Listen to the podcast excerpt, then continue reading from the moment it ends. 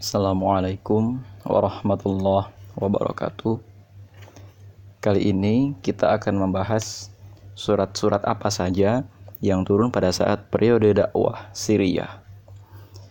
Periode dakwah Syria kita ketahui yang kalau dalam pembagian Muhammad Munir Ghadban itu dibagi menjadi uh, Syriatu Tanzim wa Syriatu Dakwah wa Syriatu Tanzim wa Jahriyatu Dakwah. Kalau di sini kita fokuskan saja pembahasan kita pada masa tiga tahun pertama sebelum Rasulullah itu masuk ke fase syahriyatu dakwah wasiriyatu tanzim. Pada masa pembangunan tanzim awal atau masa pembangunan tubuh gerakan dakwah awal ini, ternyata turun beberapa surat yang memang pada saat itu karakternya rata-rata surat itu turun tanpa penyebab atau tanpa asbabun nuzul dalam ilmu Al-Quran kita ketahui ada yang dinamakan ilmu asbabun nuzul. Apa itu? Ilmu asbabun nuzul adalah ilmu yang membahas sebab-sebab turunnya ayat atau mengapa sebuah ayat turun, ada kisah apa di baliknya, dan kemudian setelah ayat itu turun terjadi apa. Itu contoh gitu ya. E, dalam hal ini contohnya adalah surat Al-Alaq yang meskipun asbabun nuzulnya itu tidak jelas gitu, turun saja begitu. Ini tanpa tanpa peristiwa yang mendahului itu. Surat ada lagi di antara surat-surat yang turun tanpa asbabun nuzul yang jelas ini adalah surat Ar-Rahman.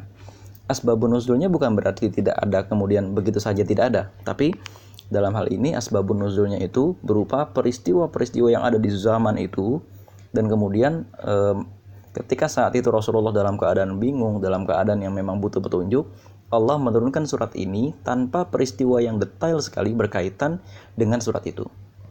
Nah, fokus pembahasan kita saat ini adalah itu.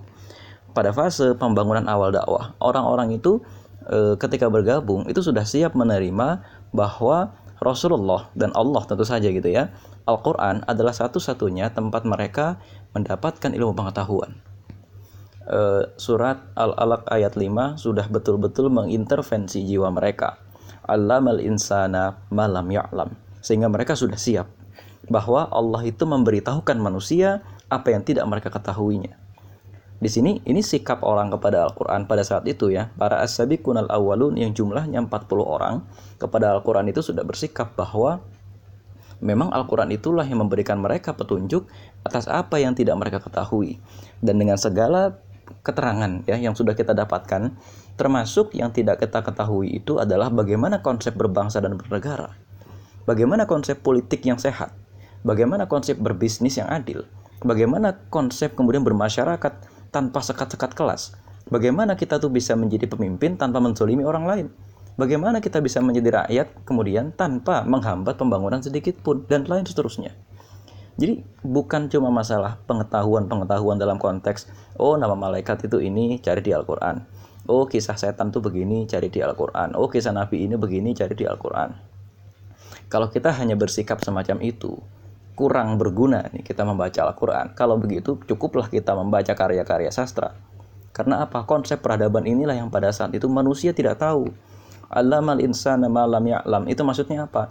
Allah tuh memberitahu kita bagaimana konsep berperadaban, bagaimana konsep berpolitik, bagaimana konsep berekonomi, bagaimana kemudian konsep berlain-lain lain-lain karena pangkal kerusakan kota Mekah pada saat itu memang adalah kerusakan peradaban. Bukan cuma masalah orang tidak tahu cara ibadah, orang tahu cara ibadah. Ya sujud, tinggal sujud sama patung sana. Ya kan? Bersuci, wudhu ya tinggal cari air, cari sungai.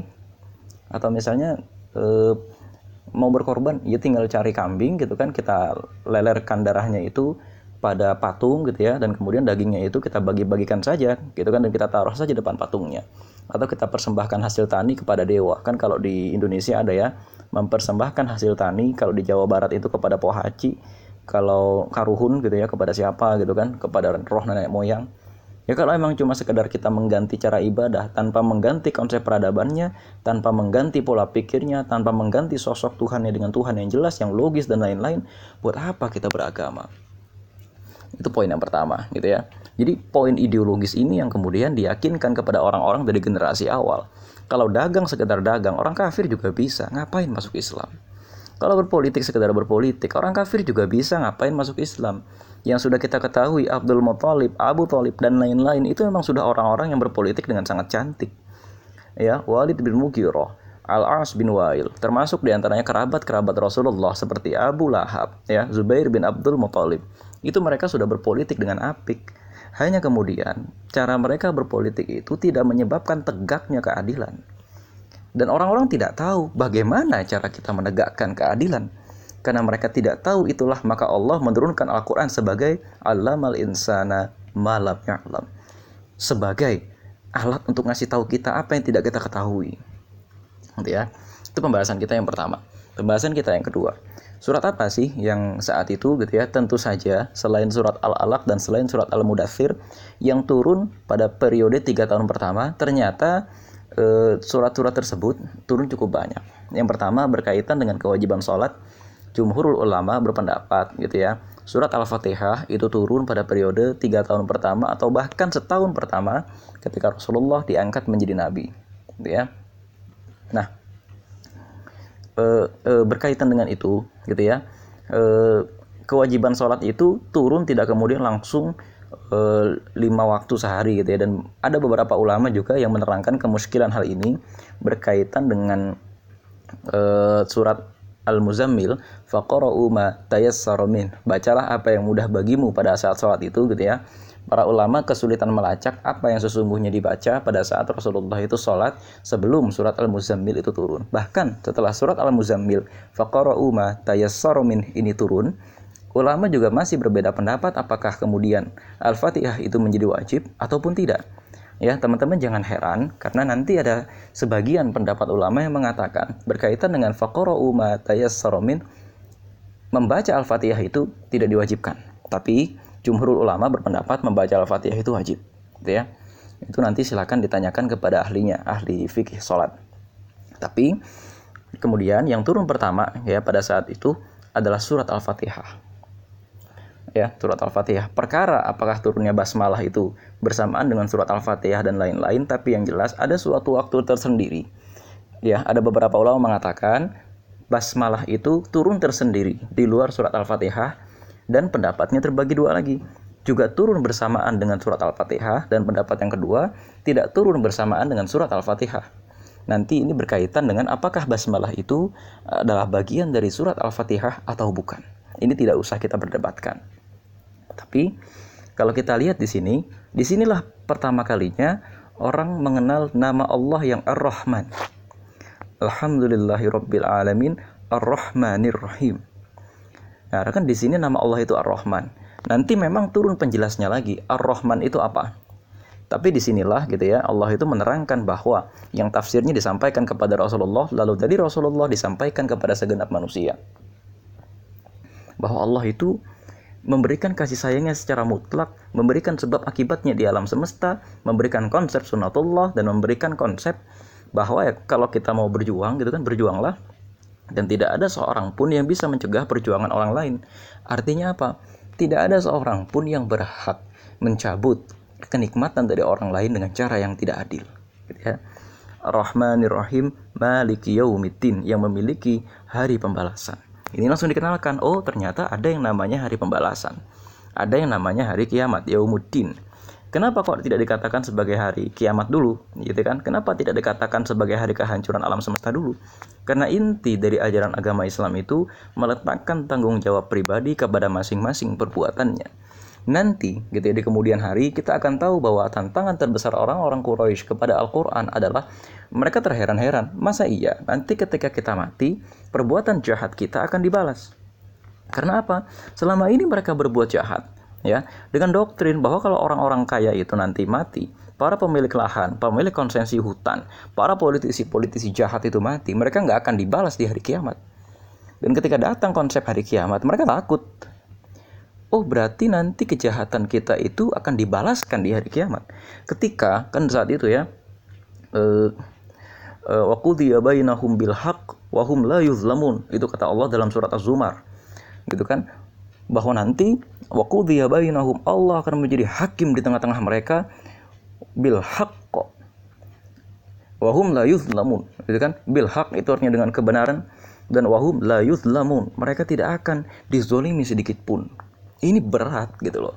bahwa sesungguhnya ketika mereka itu di dunia ini sering sekali menjalankan kezoliman-kezoliman, ternyata nanti di akhirat kezoliman mereka akan dituntut. Di mana nanti dijelaskan dalam sebuah hadis Rasulullah gitu ya bahwa binatang yang saling menanduk itu akan dibalas. Binatang yang suka nyerempet binatang lain, suka merampas binatang lain kecuali itu adalah sebuah sunatullah gitu ya, itu akan dibalas. Ini kan bikin takut gitu loh. Dan ini orang-orang miskin saat itu yang tergabung dalam as-sabiqun al-awalun yang tergabung dalam ibaratnya organisasi awal Rasulullah seneng karena dalam Islam ada jaminan keadilan. Jaminan keadilan itu adalah mereka tahu ada jadi gini, ada satu uh, keyakinan bahwa mereka nanti itu akan dibalaskan di kemudian hari kelak sehingga ketika mereka hidup di dunia itu itu bisa hidup dengan adil tanpa khawatir hak-haknya itu akan diambil. Jadi memang memperbaiki masyarakat itu tidak dimulai dari memperbaiki hal, hal besar dulu, tapi perbaikan dari hal-hal kecil seperti perubahan, gitu perubahan ideologi orang, perubahan cara cara berpikir orang, itu ya terhadap kehidupan. Ya maka maliki yaumiddin. Nah terus kemudian disambung lagi iya karena butuh wa iya karena stain. Iya nak na'budu hanya kepada engkau lah kami menyembah dan iya nasta'in hanya kepada engkau lah kami mohon pertolongan. Ini kan hanya kepada engkau kami menyembah. Maksudnya apa? Ini jelas menisbikan penyembahan berhala itu kata Ibnu Katsir dalam tafsirnya. Wa iya karena stain hanya kepada Allah kita mohon pertolongan. Nggak pakai apa? Nggak pakai jimat gitu ya. Nggak pakai jin, nggak pakai tangkal. Tangkal itu bahasa ini ya, bahasa Melayunya untuk jimat. Nggak pakai pertolongan orang-orang lain gitu kan. Ya, dinas siratal mustaqim tunjukilah kami jalan yang lurus. Ini maksudnya apa? Jadi ini saat itu dia orang itu kan tidak tahu gitu loh tidak tahu bagaimana sih konsep peradaban itu tidak tahu bagaimana sih cara berpolitik yang sehat itu maka nanti kan Allah tuh menyatakan dalam surat Ad-Duha gitu kan uh, Allah itu menemukan engkau dalam keadaan uh, apa namanya dalam keadaan sesat gitu loh. Allah tuh menemukan kalian semua. Itu dalam keadaan gak punya petunjuk. Ya kan? Wa fahada. Dan Allah tuh menemukan kalian gitu kan? Fahada. Allah menemukan kalian dalam keadaan yang wajada kau dollang fahada. Dolla gitu kan? Itu artinya apa namanya sesat. Fahada. Kemudian Allah memberikan petunjuk. Maka ini kan menjelaskan sebuah proses bagaimana manusia itu menemukan Tuhan manusia itu menemukan Tuhan karena dalam dalam keyakinan dia dia yakin bahwa sosok Tuhan inilah yang memberikan dia petunjuk hidup petunjuk hidup itu bukan cuma sekedar masalah bagaimana cara ibadah, bukan, tapi ini menjelaskan bagaimana cara dia berperadaban nanti. Ini kan sebagai persiapan awal. Maka nanti Allah itu akan menurunkan ayat-ayat yang berkaitan dengan peradaban. Masalah kepemimpinan. An-Nisa ayat 58 dan 59. Masalah pernikahan. Surat An-Nisa dan surat Al-Ahqaf, Al-Ahzab gitu ya. Masalah-masalah politik ini diturunkan dalam surat Al-Baqarah. Masalah-masalah ilmu pengetahuan diturunkan dalam surat Al-Baqarah juga. Masalah ekonomi, anti riba, hutang, waris diturunkan dalam bagian akhir surat Al-Baqarah. Termasuk masalah jilbab, gitu ya, termasuk masalah pernikahan, munakahat, termasuk juga dalam masalah-masalah komunikasi dengan tetangga, eh, masalah-masalah anak, masalah cucu, masalah apa, semuanya ada dalam Al-Qur'an. Tapi kemudian Al-Quran tidak turun hanya sebagai kitab yang ibaratnya memberikan rambu-rambu, tidak hanya sejauh itu, tapi meminta kita sebelum kita membaca Al-Quran itu, gitu ya, perasaan kita itu harus dengan perasaan apa dulu? Perasaan iya karena budu wa iya karena stain ihdinas mustaqim. Tunjukilah kami jalan lurus gitu loh. Setelah dia itu hanya menyembah Allah, setelah dia hanya meminta tolong kepada Allah, baru dia itu bisa membaca Al-Quran. Maka pendekatannya itu bukan bukan kita tuh disuruh hafal Quran dulu segala macam, bukan. Maka Al-Quran itu turun perlahan-lahan. Ya, Al-Quran itu turun selama 23 tahun ke depan itu, itu nanti perlahan-lahan. Satu ayat, dua ayat, satu halaman. Kenapa? Karena memberikan keteguhan. Jangan sampai orang ini keyakinannya kepada Allah itu belum matang. Tapi kemudian dia sudah kena dengan amanah-amanah dakwah yang di situ sebetulnya mensyaratkan keyakinan kepada Allah yang sangat-sangat tinggi. Kalau enggak, ketika nanti di amanah dakwahnya itu dia gagal, atau ketika dia melihat kerusakan-kerusakan yang menimpa jamaah dakwahnya, atau ketika dia ditinggal oleh sahabat-sahabatnya, rekan-rekan sesama berdakwah, dia akan mempertanyakan dakwah ini. Dia akan mempertanyakan ini sebenarnya saya ada di jalan yang benar atau tidak sih? Karena sebetulnya dia belum matang gitu loh. Dia masih beragama, dia masih menjalankan aturan-aturan agama Islam hanya karena kan, hanya gara-gara banyak temennya dia berjilbab gara-gara temannya berjilbab. Dia sholat, dia beribadah, dia dia infak, dia sedekah, itu hanya gara-gara temennya juga begitu. Bukan gara-gara ihdinas siratal mustaqim, bukan gara-gara dia percaya itulah petunjuk yang diturunkan oleh Allah kepada kita. Akan beda ya. Settingan asabiqun al-awwalun ini dengan turunnya surat Al-Fatihah itu settingan juru dakwah. Bukan settingan orang yang mau belajar saja, enggak. Jadi settingannya itu settingan orang yang sudah clear dengan masalah ketuhanan gitu loh. Jadi surat Al-Fatihah itu ini membersihkan segala motif dakwah. Iya karena butuh wa iya karena stain. Ihdina siratal mustaqim kan begitu. Gitu ya. Itu itu konteks yang pertama. Karena nanti mereka ini juga juga akan mendapati di antara para asabiqun awalun ini yang yang melihat langsung ini bagaimana konteks cerita awal kenabian itu juga ada yang murtad. Ubaidullah bin Jahsy di mana Ubaidullah bin Jahsy ini sebelumnya gitu ya memeluk agama la ilaha illallah wa Isa Rasulullah dia ini memeluk agama Nasrani tapi Nasrani yang tauhid. Tapi setelah dia pindah ke Habasyah, dia menjadi musyrik, dia kembali memeluk agama Kristen gitu loh. Tapi Kristen yang Trinitas. Karena apa? Dia belum sepenuhnya percaya ihdinas siratal mustaqim ini yang jadi masalah. Ya nanti kan gitu ya di kemudian hari nanti akan turun perintah-perintah yang sangat berat. Perintah berperang perintah jangan ini jangan itu dan lain-lain gitu ya. Termasuk di antaranya perintah berjilbab. Termasuk di antaranya juga perintah berpolitik. Termasuk juga di antaranya perintah untuk tidak hanya berpolitik ya yang simpel-simpel. Perintah munakahat perintah menghindari riba perintah menghindari minum-minuman keras ini nggak akan clear kalau surat Al-Fatihah hanya ini belum selesai dimaknai. Makanya surat ini tuh sampai dibaca gitu ya 17 kali setiap sholat gitu kan. Surat ini tuh sampai dibaca dalam pertama awal-awal doa sebagai doa yang terbaik dan lain-lain karena memang itu. Kita tuh baru bisa memahami Al-Quran, baru bisa menuruti Al-Quran, baru bisa yakin bahwa alamal insana malam ya'lam kalau sudah ihdina siratal mustaqim. Kalau kita itu sudah hanya meminta kepada Allah saja petunjuk jalan yang lurus, gitu kan? Kemudian dijelaskan lagi nih kemudian. Siratal ladzina an'amta 'alaihim ghairil maghdubi 'alaihim waladdallin. Amin. Kemudian nanti dijelaskan lagi tuh, bukan jalan orang-orang yang uh, kaum murkai gitu ya, yang maghdub itu asal dari kata ghadab gitu ya itu marah gitu ya bukan kalangan dari orang-orang yang Allah tuh nggak suka sama mereka tapi juga bukan dari kalangan orang-orang yang sesat. Nah, artinya mereka ini satu orang-orang yang sudah dapat keturunan, apa sudah dapat diturunkan syariat-syariat di tengah-tengah mereka, tapi diputar balik sehingga yang menurunkan syariat itu jadi marah. Ada undang-undang diakalin, ada hukum diakalin. Tapi ada juga orang-orang yang memang gara-gara nggak tahu, jadi mereka tuh coba meraba-raba aja. Kan ini, ini ada dua sikap orang pada saat itu berkaitan dengan konsep peradaban. Sikap yang pertama adalah makhluk orang yang termurkai. Bagaimana yang termurkai itu? Ketika turun petunjuk kepada mereka, mereka itu menyelewengkan, memutarkan balik, dan seterusnya dan seterusnya. Yang kelompok mereka ini diterangkan nanti dalam surat Al-Baqarah ketika mereka ya ketika Allah itu menerangkan mengenai sifat orang-orang Yahudi. Ada yang membunuh nabi-nabi, ada yang kemudian ketika turun satu keterangan tuh mereka nggak percaya dan lain-lain sehingga mereka itu termurkai konteksnya di sini adalah ketika turun suatu petunjuk itu mereka tuh ngakalin nah ini yang jadi masalah. Di kota Mekah ada yang seperti itu. Dan kemudian yang kedua karena mereka saking nggak taunya sama petunjuk petunjuk mereka tuh sudah hilang tercabut maka mereka mencari sendiri sehingga menjadi dolin sesat. Ini yang jadi masalah. Kan sekarang orang di peradaban kita hari ini kan kebagi dua itu aja sebenarnya ada orang udah tahu kebenaran Islam, tapi gara-gara dia sombongnya itu, gara-gara dia sudah terlanjur dapat jabatan, gara-gara dia sudah terlanjur memimpin ormas besar sekali, gara-gara dia sudah terlanjur ekspresi politiknya itu bukan kepada Islam, terlanjur dia itu jadi tokoh publik, maka dia menyelewengkan ajaran-ajaran agama Islam terus diputar balik sama dia, gimana caranya kejahatan yang dia lakukan itu legal atas nama Al-Quran. Dan kelompok yang kedua, orang-orang yang betul-betul orang ini tidak tahu Al-Quran itu isinya apa, nggak ngaji, nggak apa. Cuman ketika datang satu berita, oh Islam teroris, oh kami teroris, LDK itu teroris, oh ini tuh radikal, oh kalimat takbir itu jahat, bla bla bla bla bla bla. Oh kita nggak usah berjilbab, nggak apa-apa, karena itu nggak wajib. Yang penting ketenangan dalam beragama dan lain-lain. Maka mereka ini menjadi sesat karena mereka itu belum yakin bahwa alamal insana malam ya'lam Al-Quran itu perannya ini alat Allah untuk ngasih tahu manusia mana yang tidak mereka ketahui. Dan yang kedua, mereka itu sendiri sikapnya sebagai seorang pribadi.